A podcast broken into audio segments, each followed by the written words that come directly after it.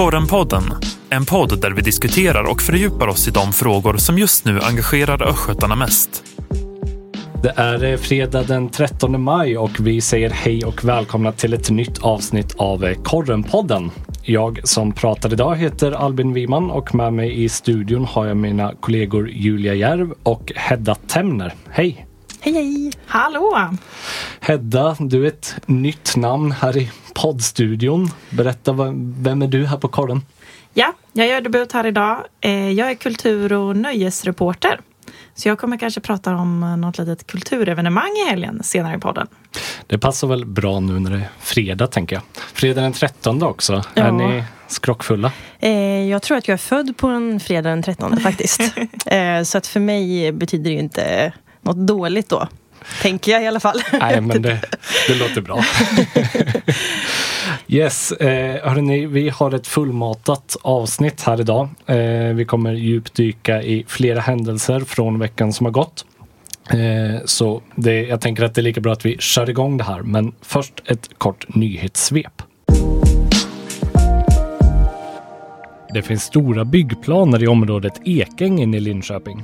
Fem fastighetsägare har nämligen gått samman och ansöker om detaljplan för att få bebygga 95 hektar i samhällets östra del. De första skisserna innehåller ett centrum för mataffär och andra kommersiella lokaler. De innehåller också två grundskolor, tre förskolor, flera parker och cirka 2000 bostäder. I måndags bröt en stor brand ut vid Kindasågen utanför Kisa. Två tältbyggnader fyllda med sågspån tog eld och gick inte att rädda. Ingen person kom till skada i branden. Byggherren och kommunpolitikern Mikael Kokossa är kritisk till att den planerade multisporthallen på Stångebro i Linköping blir så stor. I ett uppmärksammat inlägg på Facebook skriver han citat. Det finns en tendens att lägga för mycket pengar på arenor och för lite på själva verksamheten. Slutcitat. Kommunstyrelsens ordförande Niklas Borg svarar på kritiken och säger att det behövs en hall med publikkapacitet för att kunna hantera turneringar och större nationella tävlingar. När personal på förskolan Skäggetorp centrum 30A kom tillbaka efter julhelgen förra året upptäckte man skotthål i flera fönsterrutor. Nu har det gått flera månader och nu har man upptäckt nya kulhål som har hittats på fasaden på den här förskolan. Julia, du har eh, arbetat med det här under veckan. Mm. Vad, vad är det som har hänt egentligen? Ehm, för att eh, förstå veckans eh, nya fynd då, så kan vi bara dra lite kort vad som hände där i jula som du ju sa där. Det var ju förstås en väldigt omskakande händelse där när personalen upptäckte det här när de kom tillbaka efter jul. Och eh, de här skotthålen hade också gått in genom ett fönster och tagit i väggen på insidan av lokalen då. Ehm, men det visste inga barn eller personal där då. Eh, men eh, förutom själva nyheten då att det fanns skotthål som på något sätt då hade riktats mot en förskola så blev det ju väldigt mycket turer kring det här efteråt. För att ehm, det var så att all personal informerades inte om den här händelsen när det hade hänt då där i mellandagarna. Och inte heller föräldrar. Utan för en del föräldrar eh, blev det så att de fick veta att det hade hänt först när de läste att vi skrev om det. Vi och andra medier. Just det. Och det var en dryg vecka efter själva händelsen då. Eh, och det här fick ju förskoleledning och Linköpings kommun väldigt mycket kritik för. Att det var dåligt med information och att alla borde ha fått veta det här. Eh, också, ja, det var mer grejer i det hela. Men, eh, det blev ett långt efterspel kan man väl Ja, och en även politisk debatt då för att Moderaterna och Socialdemokraterna hamnade i luven på varandra kring vilka åtgärder som skulle sättas in och eh, om de faktiskt verkställdes sen eller inte. Så att det blev ju en ganska mm, stor rapportering om den här händelsen och dess efterspel då. Eh, men man bestämde att eh, åtgärda på vissa sätt då, efteråt för barnen och personalens trygghet. Men så nu här då i måndag så eh, var det förbipasserande eh, tillsammans med elever eller barn på skolan som upptäckte nya hål i en fasad till en förrådsbyggnad som var bredvid eller intill eh, förskolegården. Och eh, polisen har varit på plats och konstaterat att det rör sig om eh, riktiga kulhål. Eh, så att det utreds nu som ett grovt vapenbrott. Eh, men den här gången så gjorde man ju helt annorlunda då. Då eh, skickade man ut på den här lärplattformen som som man har tillgång till som förälder. Information om att det har hänt. Det kan vara så att barn har sett att polisen har varit på plats och det är för att vi utreder det här brottet. Och det är såklart, jag tänker som förälder väcker ju mycket frågor. Liksom, vad har hänt och varför? Och nu igen, är det mot oss? Och så. Och det är många frågor som inte går att svara på än. Eh, men polisens utredning fortsätter. Mm. Eh, ska sägas också att eh, i julas då, när de första skotten var, så skedde det ju ett mord bara två dagar efteråt, bara ett litet stycke därifrån. Eh, vilket den som utreder de här två brotten i julas också kollar på en koppling kring om det kan hänga ihop på något sätt. Och då undrar man ju också nu när det händer på nytt. Eh, är det nya skott eller är det från första tillfället? Hänger allting ihop eller Mm. Vad är det som händer? För det har man inte, man har inte kunnat slå fast att de här skotten som man nu har upptäckt att de Nej. är gjorda i, i närtid så att säga. Utan... Först så meddelade faktiskt polisen att eh, man misstänkte att de hade skett dagarna innan upptäckten gjordes. Men sen så eh, när jag pratade med Petra Brandefors som är förundersökningsledare så sa hon att det finns flera saker som tyder på att det inte är nya kulhål. Bland annat man, att man inte undersökte just den här byggnaden i julas när man kollade på de förra skotten. Och att det finns inga uppgifter just nu som tyder på att någon har hört skott i närtid. Att det skulle ha hänt. Men det är ju väldigt oklart så man tittar ju på båda scenarier. Mm. Har man hittat några kulor eller så liksom, i anslutning till de här skotthålen? Eh, jag vet inte om det finns eh, någon sån typ av fynd. Eh, fynd har gjorts, men jag vill inte säga exakt vad. Någon typ av fynd har skickats på analys. Mm. Tror man att de här skotten på något sätt har varit riktade mot själva verksamheten på den här platsen eller är det mer en slump att det mm. har skjutits mot just den, de här lokalerna? Enligt Petra Brandefors då, så eh, är det ingen hotbild som man ser idag. Men det är ju någonting som de också tittar på förstås. Mm. Mm. Så men det var, ja, vad ska man säga? Det är klart att det är omvälvande både för personal och föräldrar och barn att det händer, att det ska kunna hända i, i Linköping idag. Och en mamma som jag pratade med var ju eh, orolig och kände att det var otryggt. Och hon ville eh, på grund av det och även ett par andra omständigheter byta eh, förskola för sitt barn. Mm, mm. Jag gissar att det här kanske inte är det sista vi, vi skriver i ärendet utan du kommer fortsätta följa. Mm, vi får väl se lite hur det utvecklar sig. Jag tänker att vi ska gå vidare lite eh, och prata om ett så otäckt ord som butiksdöd. Ett uttryck mm. som ni kanske känner igen här i studion. Ja, det har man ju. På ja. Facebook om inte annat och överallt i sociala medier tycker jag att man mm. ser det skrivas om det. Precis. Det är så att den senaste veckan har våra kollegor i Mjölby kunnat berätta om två tråkiga besked för eh, fikasugna Mjölbybor. Eh, först i slutet av förra veckan ska jag säga så kunde man berätta att eh, fiket och eh, restaurangen Skånska Lasse i Galleria Kvarnen eh, tvingas stänga sin verksamhet efter 28 år. Eh, I går, eh, alltså i, på torsdagen här, eh, så kom dessutom beskedet att eh, konditori Kvarnen som i år skulle ha firat 50 år nu också avvecklar sin, sin verksamhet. varför då då, kan man undra. Man kan säga att båda de här verksamheterna har ganska starka synpunkter på hyresnivån i gallerian. Eh, och det här är ju synpunkter som jag vet har funnits från eh, hyresgäster tidigare. Julia, du har ju arbetat i i Mjölby. Och... Gallerian. ja, ja, precis. Nej. men du har arbetat som reporter i Mjölby eh, mm. för ett par år sedan och redan då mm. var det en fråga det här, eller hur? Ja, men det har ju varit svårt att eh, hitta nya hyresgäster överhuvudtaget. Eh, och det står ju fortfarande en del eh, lokaler också tomma. Det är ganska stora ytor där inne och de har ju ett nedre plan och ett övre plan. Och det har flyttats runt en del. Eh, jag misstänker att det har varit liksom bättre att vara på överplan för det där mer det händer så att säga. Mm. Um, och det var ju också någonting som man satsade stort på då när man uh, tog tag i det här uh, stora eventcentret som finns där nu på nedre plan. Just det. just det, precis. Eh, och det ska vi säga att det är ju inte bara i Mjölby som det här problemet eh, har funnits med eh, ganska höga hyror i galleriorna. Jag vet i Norrköping på Myrum galleria har man haft samma problem. Det här, det här fenomenet har ju diskuterats eh, både i hela Östergötland och Sverige i, i ganska många år.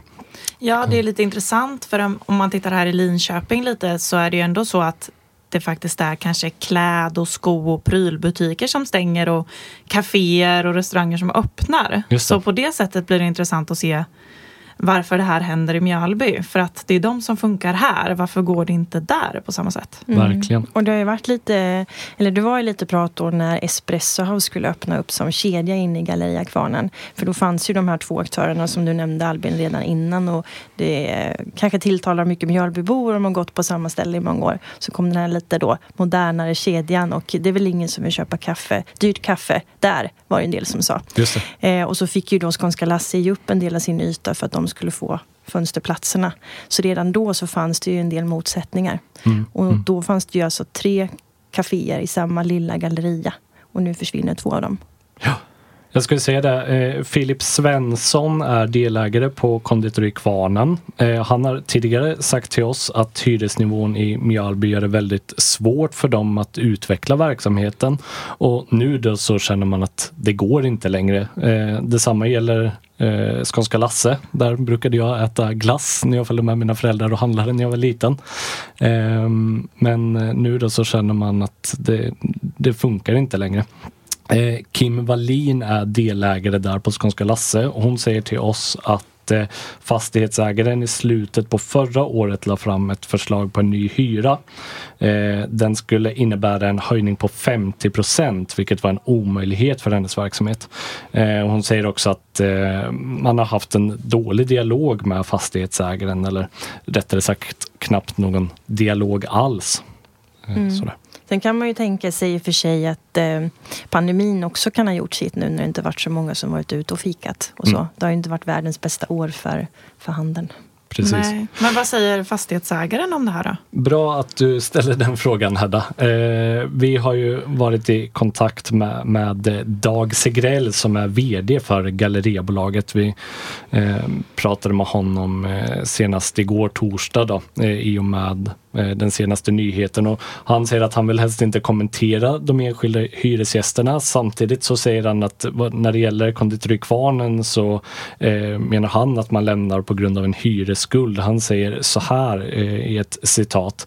Eh, bråket handlar om att de inte betalar hyran och att de har en hyresskuld till oss. Att vi skulle ha höjt hyran stämmer inte. Det är ett alldeles nytt hyreskontrakt som skrevs eh, den 25 oktober eh, och det är det som fortfarande gäller.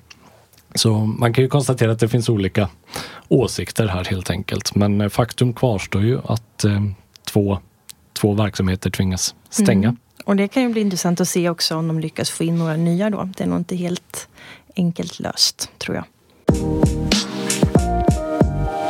Dags för lite mer positiva nyheter kanske. Nu vänder jag mig till dig Hedda. Eh, jag tänker att du ska få prata lite om kanske den största nyheten inom kulturvärlden här i Östergötland i veckan. Berätta vad vi har att göra med. Ja, men det är verkligen en jättehändelse faktiskt. För efter mer än tre års renovering så kommer nu att Östergötlands museum att slå upp dörrarna igen. Äntligen, säger nog många. Jag var faktiskt där den 2 eh, mars 2019 när de hade sista natten på museet och öppet till midnatt och så. Okay. Eh, mm. och det var ju väldigt många som var intresserade då och jag tror det är väldigt många som är nyfikna på, för det är en lång renovering. Det Verkligen, kan man inte tre säga. år är rejält. ja men precis, och de hade väl på något sätt lite eh, tur att de hade lagt det på pandemiåren om man, ja, om man kan säga så. Liksom. Med facit i hand så var det ju ganska bra faktiskt. Precis. Mm.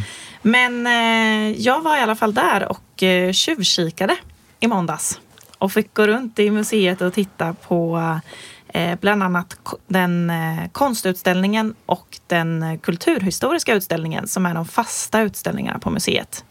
Sen fick vi även kika in på eh, några av de tillfälliga och då är det en om mopedens designhistoria. Se där ja. Som kanske kan locka några motorintresserade. Och sen är det även en utställning av unga konstnärer från länet där alla mellan 13 och 25 har fått skicka in sina konstverk och visas nu på museet på öppningshelgen och under sommaren. Mm, kul.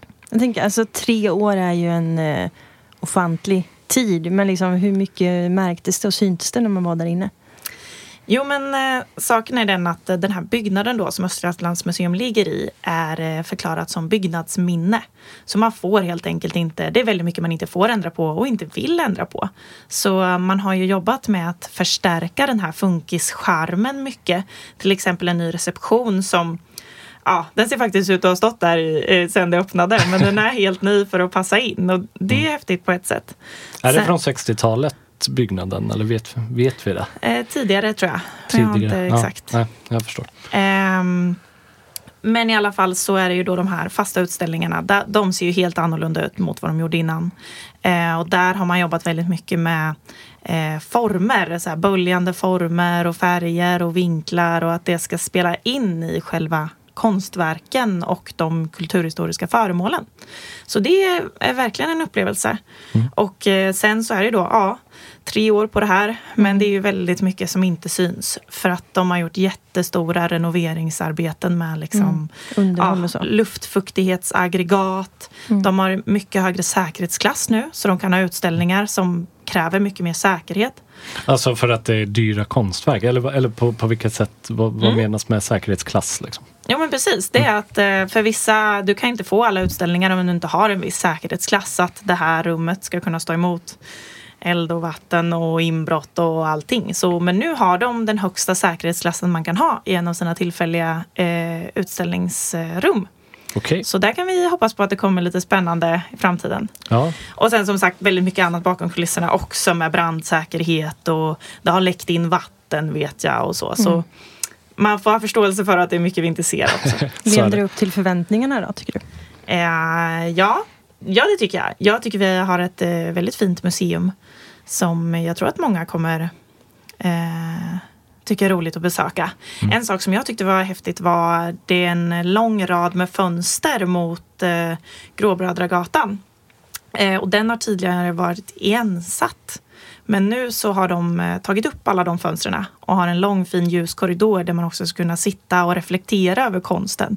Och det tror jag verkligen kommer vara populärt. Mm. Men så på lördag klockan 11, då är det invigningsceremoni. Och de har ett gediget program i helgen med föreläsningar och workshops och musik. Jag kan tipsa om att eh, på lördag kväll till exempel så kommer artisten Hannes att spela på, på museet då. Eh, och eh, han utsågs i år till Framtidens artist av P3. Så jag, jag tror det kan bli riktigt bra. Mm. Du, jag tänker, du var där i måndags. Hur låg de till med arbetet då? Var allting helt klart eller var det, var det lite kaos som det brukar kunna vara inför en nyöppning? Ja, jag hade gärna velat säga att det var klart och jag känner mig lugn men det var, det var en del kvar att göra och de har ju i och med pandemin då som på ett sätt kanske var eh, en fördel att de stängde just då så har de ju även då haft problem med till exempel att få leverans av säkerhetsglas och eh, även halvledare. Så sånt har ju liksom försenat eh, på grund av olika omständigheter i världen och så. Mm. Men det, det var en del kvar att göra och det var Eh, alla jobbade med det här och jobbade 24 timmar om dygnet. Så jag hoppas att de ska bli klara. Också spännande att se i helgen. ja, men precis. Ligger det lite skräp kvar och så. De sa mm. att det kan vara någon list som man får blunda för men att förhoppningsvis ser ingen besökare det. Nej. Och eh, jag måste få passa på också att slå ett slag för eh, konstutställningens eh, fotografier. För där finns det nämligen fem stycken förstorade svartvita fotografier av Linköpingsfotografen Maria Tesch. Och när jag var där i måndags så upptäckte jag att en av dem eh, var en bild på min släkting. Mm. Är det sant? Ja. Det Kul. var... Vem, vem då? Ja, jag vet inte hur mycket jag vill avslöja. okay. Jag kan säga att hon heter Inga Axner och eh, i morgon ha, på lördag kommer jag då ha skrivit en krönika om det här fyndet och lite mer om Inga och hur man kan hitta kanske släktingar i Digitalt museum som är ett arkiv på nätet. Just det. Ja, det har jag sett ibland poppar upp i mitt Facebookflöde. Gamla bilder från Linköpings fotografer. Det tycker jag är jättespännande. Mm. Kul. Så kanske kan någon mer bli inspirerad till lite släktforskning på museet. Mm. Härligt. Det händer mycket annat i helgen också. Det är ju det här Östergötland spirar eh, som jag nu när jag kollade upp det då, eh, är vårens eh, Östgötadagarna. Massor av olika öppna eh, hantverksställen och eh, fikaställen och gårdar och så vidare. Är det något du ska besöka, Julia? Eh, jag tror det. Det kanske inte är så jättepåhittigt. Jag vet inte, som alla andra så ska jag väl ta en kaffe på Open Bahnhof i Sya. Det ligger ju ganska nära där jag bor i helgen. Och eh, kanske att jag ska till Lökebo, Skeda Udde. Har också en liten släktkontakt i den gården som jag skulle passa på att hälsa på. Eller smaka lite ost vid Lötsgårds mejeri såg jag. De hade så ostens dag. Mm. Provsmak är alltid bra, tycker det jag. Det låter underbart. Verkligen. Ja. Yes. Men jag tänkte på, om jag får flika in bara en liten eh, eh knorr apropå den ni diskuterade förra veckan Albin, när ni pratade I om... podden? Eh, ja, precis. Mm. Eh, Johan Renck, eh, regissören alias Stackabo. För de som vet. Eh, den här Boxholmskillen med samma namn som blev bjuden på kändisfest. Exakt, Expressens kulturfest gick han ju på. Så var det. Mm. Eh, jättekul historia. Men apropå det här med eh, namn och förväxlingar. Eh, barnprogramledaren Julia Wiberg som har den här Spotify-podden som heter Julias coola djur. Där de snackar om det här är någonting djur. som alla föräldrar där ute känner igen gissar jag. Möjligt. Ja. Eh, hon pratar om olika djur i alla fall, deras egenskaper och bajs och allt möjligt sådär. Eh, så berättar hon nämligen att det var hennes dröm att få vara mig. Och det tänkte okay. jag att vi skulle ta och eh, lyssna på. Spännande.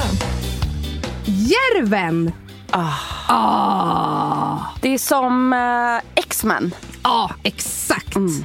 Alltså det, jag tycker alla de här äh, djuren i skogen, de är ju som superhjältar. Ja. Järv på engelska är ju väldigt coolt. Wolverine. Oh wow, det är så coolt! Ja. Jag har ju en liten dröm. Det är att heta Julia Järv. det är sant. Varför? Men hur fint? Tänk jo, bara, hej, Julia Järv heter jag. Sandra Var det ett litet skryt från dig vi hörde här på slutet? Ja, det kanske det var. Ja. Men det är ju ett väldigt fint namn. Jag tycker det var så kul. Åh, oh, jag har en dröm, jag vill heta Julia. Och sen reaktionen så här, men varför? men du lyssnade på det här poddavsnittet, inte ett ont anande? Liksom. Nej, jag fick det skickat till mig ah. från en kompis faktiskt. Som ja. bara, har du hört det här? Du är med. Roligt. Ja. Eh, hörde ni, eh, jag tänker att det här var allt för idag. Eh, och Korrenpodden för den här gången. Eh, jag tänker att vi gör så att vi önskar alla lyssnare trevlig helg så hörs vi igen nästa vecka. Verkligen. Ha det bra allihopa. Hej då. Du har lyssnat på Korrenpodden. Ansvarig utgivare Maria Kustvik